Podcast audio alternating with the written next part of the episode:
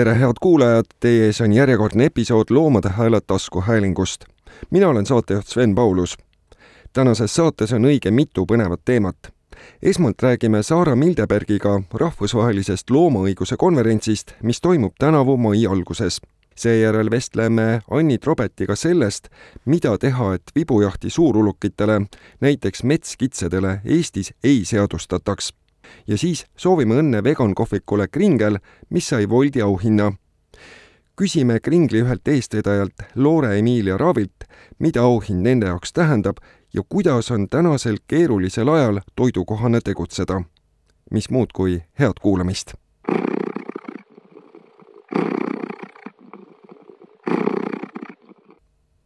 kuuendal, seitsmendal mail sel aastal toimub juba seitsmes loomaõiguse konverents see on rahvusvaheline ja seda korraldavad siis äh, Loomus ja Eesti Vegan Selts.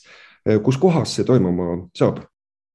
kuna meil on äh, sel aastal teemaks keskkondlus ja loomaõigused, siis me leidsime sellise koha nagu Tallinna botaanikaaed ja muidugi me kanname ka seda hübriid, hübriidina üle ehk ilmselt jällegi Zoomi platvormil, et saaks osaleda ka need, kes mingitel erinevatel põhjustel olgu siis eh, koroonapiirangud või isiklik eh, vastumeelsus näiteks lendamise vastu, et ka nemad saaks osaleda. ja millised eh, teemad sel aastal konverentsil jutuks tulevad? no selles mõttes, et see kutse ettekanneteks on veel avatud, et neljateistkümnenda veebruarini saab saata ettekande ideid, aga meil on juba teada, et kindlasti me räägime tõesti sellistest väga süvitsi nii keskkonda kui loomi puudutavatest teemadest, näiteks antropotseenist üldiselt ehk inimese ajastust, siis näiteks ka ökofeminismist, aga meil on ka näiteks eh, tulemas eh, ettekanne eh, loomadest meie keeles, et kuidas me loomadest räägime. ja ka selline hästi praktiline raamatu esitlus siis eh, vegan pärimustoitudest, mis on siis eh, tegelikult Soomes välja antud raamat, see on Soome-põhine, aga Eesti trükis eh, kaasatakse ka Eesti retsepte, mis saab olema väga põnev. kuidas on lood esinejatega, kas saab juba mingisuguseid nimesid ka välja hõigata? Nimesid ma praegu veel ei hõikaks välja, et, et jällegi, kuna see koroona olukord on, on nagu ta on, et siis eh, me tahaks välja hõigata tõesti, kui on kindel, et meil on teada, kes tulevad koha peale ja keda tegelikult saab eh, netist eh, jälgida, et kindlasti meie enda Eesti teadlastest ja aktivistidest on Kadri Aavik räägib ja siis näiteks välismaalt Ronny Lee, kes on selline legendaarne aktivist, et ja kes mõlemad tegelikult olid ka meil eelmine aasta, nii et selles mõttes jällegi, et lahe niisugune jätkuvus. et, et me saame jälle tuua mingid esinejad, kes on juba nagu kanda kinnitanud ja nad saavadki nagu jälle rääkida, mis nad on vahepeal juurde mõelnud, mis, mis või kuidagi reflekteerida sellele, mis maailmas toimub ja sa ütlesid, et kuni neljateistkümnenda veebruarini saab põhimõtteliselt liituda, et keda te ootate siin esinema ja kuidas siis selle konverentsiga liituda, kui soovid näiteks ettekande pidada? just, et kuna ma ise olen tegelikult ka alles üliõpilane, siis minu enda jaoks isiklikult on hästi oluline see, et oleks ka noortel teadlastel ja üliõpilastel võimalus oma selliseid alles algusjärgus uurimisprojekte tutvustada nii et meil on väga oodatud äh, kõik sellised tudengid, kes võib-olla mujal ei julge oma, oma ettekandeid pidada, et siis me kindlasti aitame neid äh, viimistleda ja, ja, ja aitame neile tagasisidet äh, saada. Aga kindlasti ka aktivistid, et just need inimesed, kes võib-olla ei tegele nii palju teaduse ja teooriatega, vaid ongi tänavatel või, või ma ei tea, peavad vegan kohvikuid või, või kes on selles mõttes nagu aktiivselt nagu sõjatandril nii-öelda meil ongi selles mõttes nagu deviis ongi see, et, et nii teadlased kui aktivistid võivad äh, tulla ja ühineda ja rääkida ja me oleme selles mõttes äh, viisakad ja anname äh, tagasisidet üksteisele kui, kui võrdsetele. ja kuidas ühendust võtta, et selles mõttes, et kui nüüd inimene leiab, et ta soovib liituda ja ettekande pidada, siis kuhu ta pöörduma peaks ja mida ta tegema peaks? selleks on kõige lihtsam eh, tee minna loomus.ee kaldkriips konverents ja sealt leiab siis eh, nii eh, selle kutse ettekanded, kanneteks nii eesti kui inglise keeles kui siis kõik detailid, et kui pikk peab olema see ettekande kirjeldus, kuhu see saata ja mis kuupäevadeks ja, ja kuidas kõik. et ja seal on jah ka inglise keeles olemas ja seda lehte võib ka kõikidega jagada. kena, igal juhul suur aitäh sulle selle intervjuu eest ja soovin, et äh, konverents saaks igati edukas. aitäh, konverentsil näeme siis.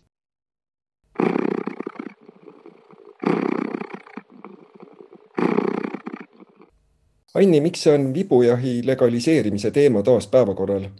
teema on taas päevakorral sellepärast, et äh, väike rühm vibujahi entusiaste soovivad jätkuvalt, et Eestis metskitsi ei tohiks vibuga tappa ja kahe tuhande kolmeteistkümnendal aastal legaliseeriti viibujaht väikeulukitele, kuigi ka siis olid Eesti loomakaitsjad sellele selgelt vastu. Ja nüüd taaskord on hakatud lobistama, et seadustatakse ka suuremate loomade ehk siis metskitsede tapmine. Eesti loomakaitsjad on jätkuvalt loomapiinamise ja tapmise vastased, eriti mis puudutab siis meelelahutuse eesmärgil loomadelt elu võtmist mis on need peamised argumendid, miks ei peaks seda legaliseerima ehk eh, miks ei ole selline efektiivne viis jahti pidada? Siin see küsimus ei olegi niivõrd efektiivsuses kui põhimõttes, et loomi ei tohi lugu pärast tappa, eh, sest juba on ju olemas võimalus loomi püssiga tappa. Eh, tulirelvad on täpsemad ja efektiivsemad tapariistad mistõttu neid kasutatakse igal pool maailmas vibu asemel, nii loomade tapmisel kui ka politseitöös ja näiteks sõjaväetegevuses.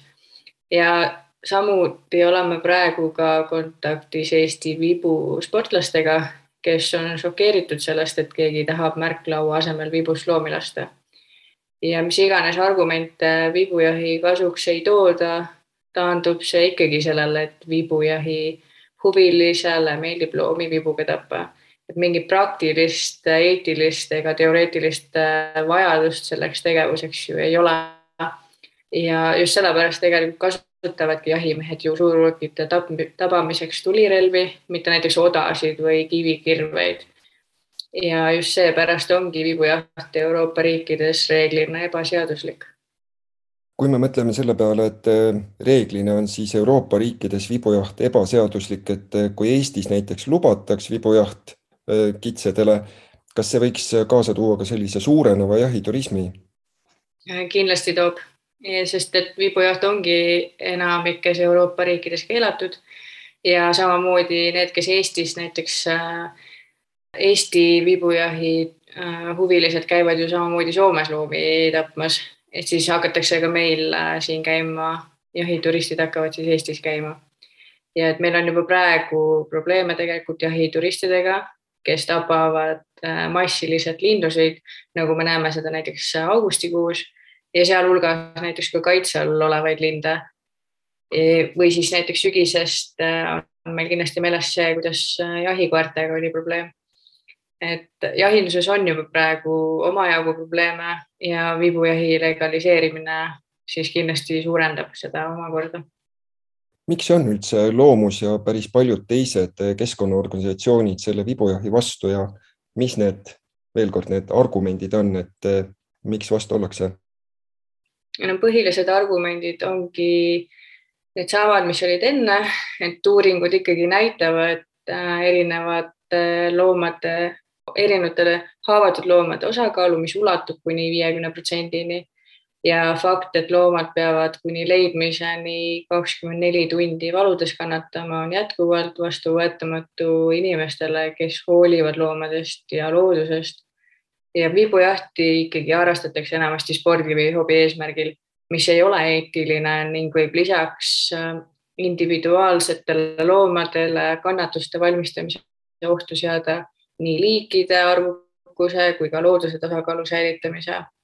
ja tegelikult on kurb, et inimestele peab selgitama, miks elusaid tundevõimelisi olendeid ei tohi piinata ega tappa. Me rääkisime tegelikult äh, mullu eelmisel aastal sinuga sellest vibujahi legaliseerimisest siinsamas Loomade Hääle saates ja siis algatas Loomus petitsiooni selle legaliseerimise vastu. mis sellest saanud on? Äh, me kogusimegi kokku üle kümne tuhande allkirja ja need me edastasime keskkonnaministrile.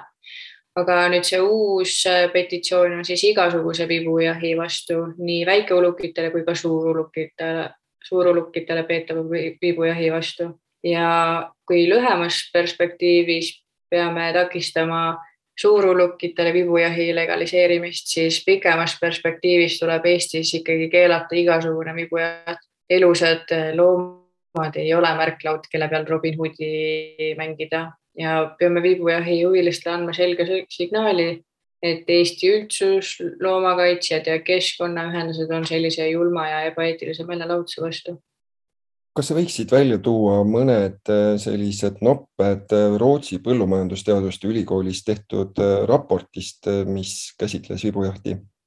see raport kahe punktiga kokkuvõte ongi siis selline, et kui see nool on õigesti lastud ja tabamine on väga täpne, siis ta tekitab loomale vähem kahju kui tulirelvad. aga kuna see tõenäosus, et äh, looma suremus on äh, kindlasti väiksem vibujahi puhul ja võib juhtuda, et loom hakkab kohe liikuma peale tabamust ja siis on vaja kohe äh, teha ka teine tabamus, aga seda on väga raske sooritada vibuga. see tähendab seda, et loomal on kohe kindlasti suurem kannatus kui mõtleme praegusele olukorrale, siis mida saavad aktivistid eh, ja huvilised ära teha selleks, et viibujahti Eestis ei legaliseeritaks eh, just suurulukitele? saab kindlasti anda oma hääle loomuse petitsioonile ja, ja hea sõna ja jagamine kindlasti aitavad sellele kaasa. ja kus selle petitsiooni leiab? selle leiab Loomuse kodulehelt loomus.ee väga hea, igal juhul loodame, et äh, sellel petitsioonil läheb vähemalt sama hästi kui eelmisel, et äh, tuleb üle kümne tuhande allkirja ja tuleb hästi palju keskkonnaorganisatsioone toetama seda temaatikat. suur aitäh sulle, Anni Trobet, et äh, selle teemaga meid valgustasid. aitäh sulle.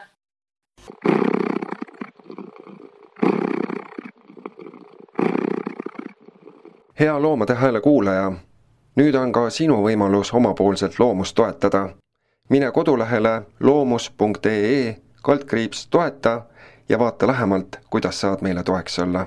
aitäh sulle ette!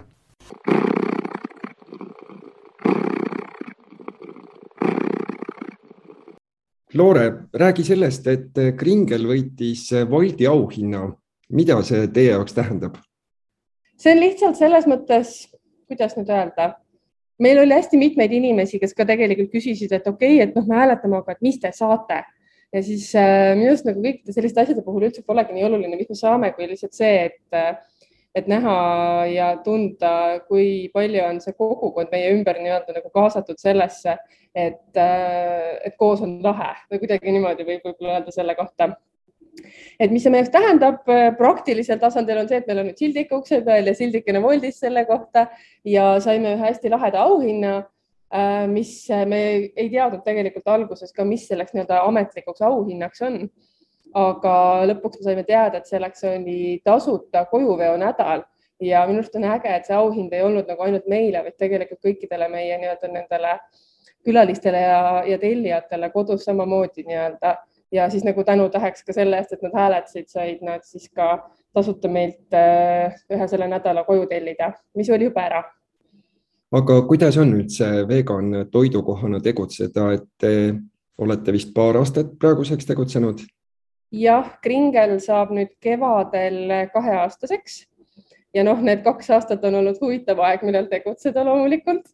aga kuidas on vegan kohana tegutseda? minu arust on igasuguse kohana hea tegutseda, kui sa teed seda, kui see, mida sa nagu pakud, tuleb üks asi südamest ja teine asi on see, et sa teed tõesti nagu ka head asja. et meie eesmärk, eks ju ikkagi on, et mitte lihtsalt äh, pakkuda vegan toitu sellepärast, et pakkuda vegan toitu, vaid pakkuda seda sellepärast, et me, me usume, et see on hea toit. Ja mitte ainult siis äh, nii-öelda taimetoitlastele, vaid, vaid see peab olema hea toit nagu kõikidele, kõikidele inimestele. Et see ongi meie jaoks nagu eesmärk ja, ja tundub, et hoolimata sellest, et me asume justkui nagu väikeses kohas, kus võiks mõelda, et, et huvitav, kas siin ümber elab palju siis taimetoitlasi, võiks nagu standardselt mõelda, siis see tegelikult ei, ei ole üldse muutunud nagu segavaks faktoriks, et meid on väga hästi siin uue maailma asumis vastu võetud ja, ja eks meie asukoht on ka selles mõttes nagu hea, et siia pääseb ligi mitut moodi, et ei, ei käigi meil ainult nagu inimesed, kes siin kandis elavad, vaid, vaid inimesi tuleb nagu mitmelt poolt kohale. nii et kui sa pakkuda head asja, teha seda südamega, et eks see paistab välja ja on, on tunda nii toidus kui selles energias, eks ju, mis siin kohapeal on et siis ma ütleks, et on olnud äh, mõnus siin tegutseda see paar aastat. nii et teil on ka selline oma kindel kogukond klientidest, kes käivad pidevalt kohal või tellivad koju? ja meil on selles mõttes küll, et, äh, et väga palju on meil niisuguseid tuttavaid nägusid, et kelle puhul me juba näeme, et kui eemalt näed, et ta tulema hakkab, siis sa tead, millise kohvi sa põhimõtteliselt äh, nii-öelda jooksma juba paned, et, et seda kogukonda on siin meil küll väga hästi nagu jah tajuda, et kes, kes nii-öelda käivad regulaarselt, aga eks kogu aeg on ka uusi sattujaid loomulikult. aga niisuguseid püsivaid, püsivaid külalisi on, on palju ja. kes teie peamised konkurendid on? konkurendid, seda me arutasime Annega korraks isegi ja tegelikult Anne ütles, et me ei ole konkurente, kõik on sõbrad et, äh, et ma selles mõttes olen äh, Annega täiesti nõus, et, et noh, selles äh, eriti kui mõelda võib-olla, et see, et see küsimus on lähtuv nagu sellest, et kas teised vegankohad tunduvad kuidagi nagu konkurentidena, et siis seda kindlasti mitte. meile väga meeldib, et, et Eestis Tallinnas on tekkinud just niisuguste vegankohtade näol hästi palju nagu toetust et äh, väga sageli me küsime üksteiselt nõu, abi, kuidas teil läheb, kuidas see või teine või kolmas asi on, kuidas mingisugune periood mõjub ja nii edasi ja nii edasi. et meie jaoks äh, kindlasti ei saa niimoodi öelda, et oleks mingisugune konkreetne keegi või miski nagu konkurent. aga, aga samas me kindlasti tunneme, et me ei ole ka ainult paralleelis võib-olla niisuguste vegan kohtadega, vaid tegelikult see on ikkagi et see ongi jälle see, et kui sa pakud nagu maitsvat toitu, siis, siis äh, sa ei justkui ei konkureeri nii-öelda ainult äh, ka vegan kohtadega, vaid lihtsalt ongi hea toit on hea toit. et see on see, mida me ise üritame pakkuda. kui suur see vegan toidu nii-öelda turg on ja kas ta on ka kasvanud siin viimastel aastatel? mul on tunne, et ta on uskumatult suur kui suur täpselt, ma ei oskagi öelda, et ilmselt peaks selle kohta mingit statistikat tegema keegi teine. ja viimase kahe aasta jooksul ma ei oskagi nagu isegi enam öelda, aga, aga arvestades seda aega, kus ma olen ise nagu tegutsenud mingisuguste toidukohtadega ja, ise ka vegan olnud, siis äh, see on tohutult kasvanud, see turg äh, ja, ja see ei ole ka enam üldse ainult nagu niisugune nagu taimetoiduturg või ütleme, ta ei ole taimetoitlastega seotud turg, vaid pigem ongi see, et et selle taimse toiduga julgevad nii-öelda kas siis katsetada või siis seda söövadki nüüd juba väga palju rohkemad inimesed üleüldse. et äh, meie külalised siin kindlasti ei ole üldse mitte ainult taimetoitlased, vaid, äh, vaid lihtsalt inimesed, äh, kes võib-olla siis nagu tahavad seda rohkem süüa või kes isegi satuvad siia nad isegi ei tea, et meilt saab ainult taimsete piimadega kohvi, aga, aga siis katsetavad ja, ja jäävad rahule. nii et äh, et see turg on kasvanud ja mulle on tundunud, et kasvab nagu veel. et ise olles jah, sellega juba kümme aastat peaaegu kokku pluss puutunud, siis äh, arvestades sellega, mis toona toimus, on, on praegu ikkagi väga-väga palju laiem kogu see valdkond. kuidas on see praegune veider aeg, mis siin paar aastat on juba olnud, teie töid ja tegemisi mõjutanud? Me saame olla ainult tohutult tänulikud täpselt sellele kogukonnale, mis äh, meid äh, ümbritseb nii, nii siin lokaalselt kui ka laiemas plaanis läbi Woldi ja kõige muu. et äh, arvestades, et see aeg on olnud selles mõttes väga paljudele ettevõtetele väga keeruline ja, ja paljud on ju pannud ka uksi kinni, siis meie alustasime too kurikuulus kevad kus maailm oli pahupidi pööratud, see oli kringli, kringli päris, päris algus kusjuures. nii et arvestades seda kõike, äh, oleme me selle ajaga no ikkagi nagu jõudsalt äh, nii-öelda arenenud ja, ja kasvanud ja, ja see on tegelikult olnud väga nagu aktiivne aeg. ja meil nagu selles mõttes, et nagu paljudel kohtadel on võib-olla võrdlusmoment, et mis oli nagu enne seda paari aastat, et siis meil seda nagu polegi et me olemegi nendest oludest nagu välja kasvanud ja juba võib-olla algusest peale läinudki kaasa sellega, et väga palju on rohkem kaasaostmist äh, ja eks see on ka muutnud lihtsalt inimeste harjumusi üldse sellega, et, et see koju tellimine ongi muutunud noh, aina nagu populaarsemaks ja kaasaostmine, et äh, nagu üks inimene just hiljuti ütles mulle, et, et restorani kultuur kui selline on kindlasti nagu löögi saanud et inimestel võib-olla ei ole enam nii palju seda niisugust, et äh, noh, meie juures küll kringlis ei saa õhtuti istuda, aga muidu see, et lähed õhtul välja, võtad mitu käiku ja mingisuguse pokaali juua, et siis, äh, et nüüd on nagu aina rohkem seda koju tellimist ja ilmselt siis nagu kodus söömist. et eks see aeg on seda nagu maastikku kindlasti muutnud, aga, aga meie jah, saame olla lihtsalt väga tänulikud meie nendele hoidjatele, kes siin ümberringi nagu on olnud ja, ja selles mõttes, et õnneks õnneks läheb meil praegu väga hästi. Küsin ka seda, et eh, mida inimesed eh, kõige enam igatsevad või mis nende lemmikud teie menüüs on, et mida tullakse alati sööma või tellitakse koju hästi palju mm.?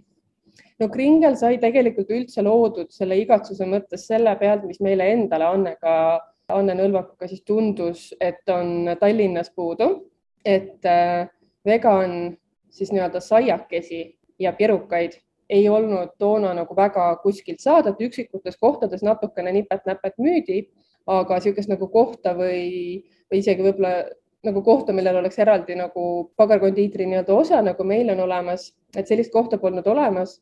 ja teine asi, et niisuguseid äh, nii-öelda häid taimseid hommikusööke või niisugust nii-öelda kogu päeva hommikusöökid, kus tahtsid Tallinnas minna kell kümme hommikul või kell üheksa või veel rohkem kell kaheksa sööma kuskile ja sa saad nagu head taimset toitu siis äh, praktiliselt polnud olemas. suurimad lemmikud, noh, meil on näiteks uued äh, ägedad hitid on äh, see suitsutofu rillett, mis on suur uus kasvav hitt, siis me iga natukese aja tagant teeme uusi kringleid, mõtleme välja. praegu näiteks sihuke uus popp-kringel on astelpaju, martsipani, apelsini. ütlesin kindlasti nüüd vales järjekorras, aga, aga niisugune uus kringel ja igasuguseid pirukaid ja saiakesi läheb väga palju, et eks äh, magusatest saiakestest kaneel on ikkagi klassika, seda ka meie juures. soolastest pirukatest on väga populaarne pesto juustusai, mis on siis taimse juustuga tehtud ja ka vegan kartulisalatit teeme me ikka suurtes kogustes ausalt öeldes, aga ma ei saagi öelda, sest meil on tegelikult väga paljusid asju läheb palju ja eks me niimoodi arendame seda menüüd ja tootevalikut ka laiemaks iga, iga mingisuguse aja tagant, et äh, tasub silmad peal hoida, kui on huvi. ja kuidas teid kõige lihtsamini üles leiab? kõige lihtsamini tänapäeval leiab muidugi Google'ist aga meil on koduleht, mis on siis kringelkohvik.ee ja väga aktiivsed oleme kindlasti Instagramis äh, kui inimestele, kellele meeldib nii-öelda jälgida, jälgida igasuguseid erinevaid tegevusi, mis me muidu teeme ja mis me jälle pakume ja millised on meie päevapakkumised ja, ja kõiki niisuguseid asju leiab kas sotsiaalmeediast kindlasti. kena suur,, suur-suur aitäh sulle, Loore, selle intervjuu eest ja soovin veel kord õnne Bolti auhinna puhul. ja aitäh sulle.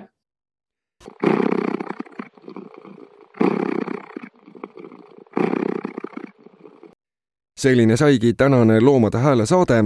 tänan kõiki kuulamast ja jälgige Loomade Hääle tegemisi ka meie Facebooki lehel. kõike kaunist